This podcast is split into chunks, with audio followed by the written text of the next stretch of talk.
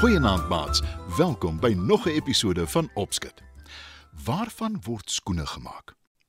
Die duursaamste en sekerlik ook die duurste is leer, nie waar nie? Maar skoene kan ook van kunsleer gemaak word of selfs van plastiek of natuurlik materiaal. In vanaand se storie vertel ek julle van 'n skoenmaker en sy helpers. Skuif gerus nader en luister saam. Eenmal, lank gelede, was daar 'n skoenmaker. Hy het saam met sy vrou in 'n klein huisie net buite die dorp gebly. Die twee het nie kinders nie. Hulle is ook nie meer jonk nie en hulle is baie arm. Die skoenmaker moet elke dag 'n paar skoene maak en aan iemand op die dorp verkoop om hulle aan die lewe te hou. Hy gebruik leer om sy skoene te maak en die skoene is baie gewild omdat hulle so goed gemaak is en so lank gehou het. Maar hoe hard hy ook al probeer, die skoenmaker kan nooit genoeg geld spaar om ekstra leer te koop sodat hy genoeg het om meer as een paar skoene op 'n slag te maak nie. Elke aand sny hy die leer en berei dit voor vir die volgende dag. Wanneer hy dan die oggend opstaan, maak hy die skoene. As jy tog net eendag vooruit kan kom. sê die skoenmaker se vrou dikwels. Glo my, dis my grootste begeerte. Antwoord haar man.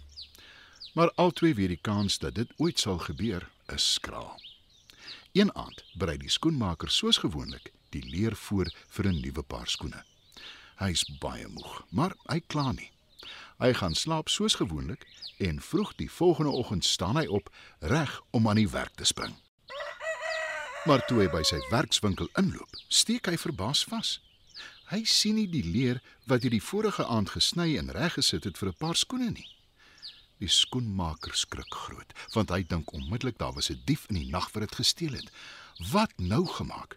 Hy draf na sy vrou toe waar sy in die kombuis besig is en sê ontstel: 'n Groot ramp het ons getref. Die leer is gesteel. Ek kan nie vandag 'n paar skoene maak nie. Ek weet nie wat om te doen nie.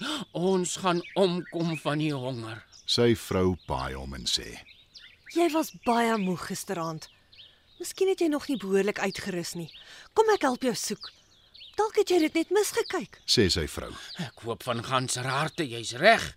Antwoord die skoenmaker hoopvol. Die twee stap na sy werkswinkel toe en begin rondkyk. En tot hulle verbasing sien hulle 'n paar splinternuwe, klaargemaakte skoene. Die skoenmaker tel die paar skoene op en kyk daarna. Beter kon ek dit self nie gedoen het nie. Sê hy, Maar hoe op aarde het dit gebeur? Wonder sy vrou. Ek kan dit self nie verklaar nie. Antwoord die skoenmaker. Terwyl hulle nog so wonder, stap daar iemand by die werkswinkel in wat dadelik 'n paar skoene wil hê. Dis dringend. Sê die man. En ek is bereid om dubbel te betaal. Die skoenmaker kan nie sy geluk glo nie. Hy het 'n paar klaargemaakte skoene en met die ekstra geld kan hy ekstra leer koop. Hy kan die volgende dag dus twee paar skoene maak. Hy sny toe twee pare skoene uit leer en los dit in sy werkswinkel vir die volgende oggend. En so waar, toe hy die volgende oggend daar instap, is daar twee pare klaargemaakte skoene. Dit gaan vir 'n hele ruk so aan en elke aand word daar nou soos klokslag al meer en meer skoene gemaak. Soveel klaargesnyde stukke leer die skoenmaker in die werkswinkel los, soveel skoene word gemaak. Omdat die skoenmaker nou meer leer kan koop en daar meer skoene gemaak word en verkoop word, kan hy uiteindelik geld spaar. Binnekort is hy en sy vrou nie meer brandarm nie. Toe op 'n dag sê die skoenmaker vir sy vrou: Ek is baie dankbaar oor die skoene en ek waardeer die hulp. Maar ek sal tog graag wil weet wie nou eintlik die skoene maak. Ek wil ook graag weet. "Beam sy vrou." Toe sê sy: Al manier om uit te vind is om die hele nag wakker te bly en om te kyk wat gebeur. "Die skoenmaker stem saam." En die aand hou hulle 'n hele ruk lank kuiwie agter 'n gordyn. Teen middernag, toe hulle wil wil aan die slaap raak, hoor hulle die venster oopgaan. En daar klim twee elfies by die venster in. Hulle klere is verslons, maar hulle is baie fliks en werk blitsig totdat die skoene klaargemaak is. Toe verdwyn hulle weer stilletjies deur die venster, lank voor die son opkom. Die skoenmaker en sy vrou wonder hoekom die elfies hulle help. Hulle is baie dankbaar want hulle lewe nou uiteindelik nie meer van die hand na die mond nie. Hulle besluit toe om die elfies te vergoed. Die arme ouetjie se klere is verslons. Ek gaan vir hulle elkeen 'n broek en 'n hemp en 'n baadjie maak. sê die skoenmaker se vrou. Sy voeg die daad by die woord. Die skoenmaker maak op sy beurt vir elkeen van hulle ook 'n paar skoene. Die aand sit hulle die klere en skoene wat hulle vir die elfies gemaak het in die werkswinkel. Weer wag hulle agter die gordyn om te sien wat gebeur. Toe die elfies teen middernag by die venster inglip, is hulle verbaas. Hier is nie skoene om te maak nie. Sê die een elfie verbaas. En kyk hier, hulle het vir ons klere gemaak en skoene. Voeg die ander elfie by. Die twee opgewonde elfies trek die klere en skoene aan en dans rond van blydskap. Na 'n ruk spring hulle weer by die venster uit en verdwyn in die nag.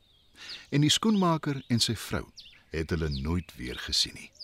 Die elfies het ook nooit weer teruggekom om skoene te maak nie.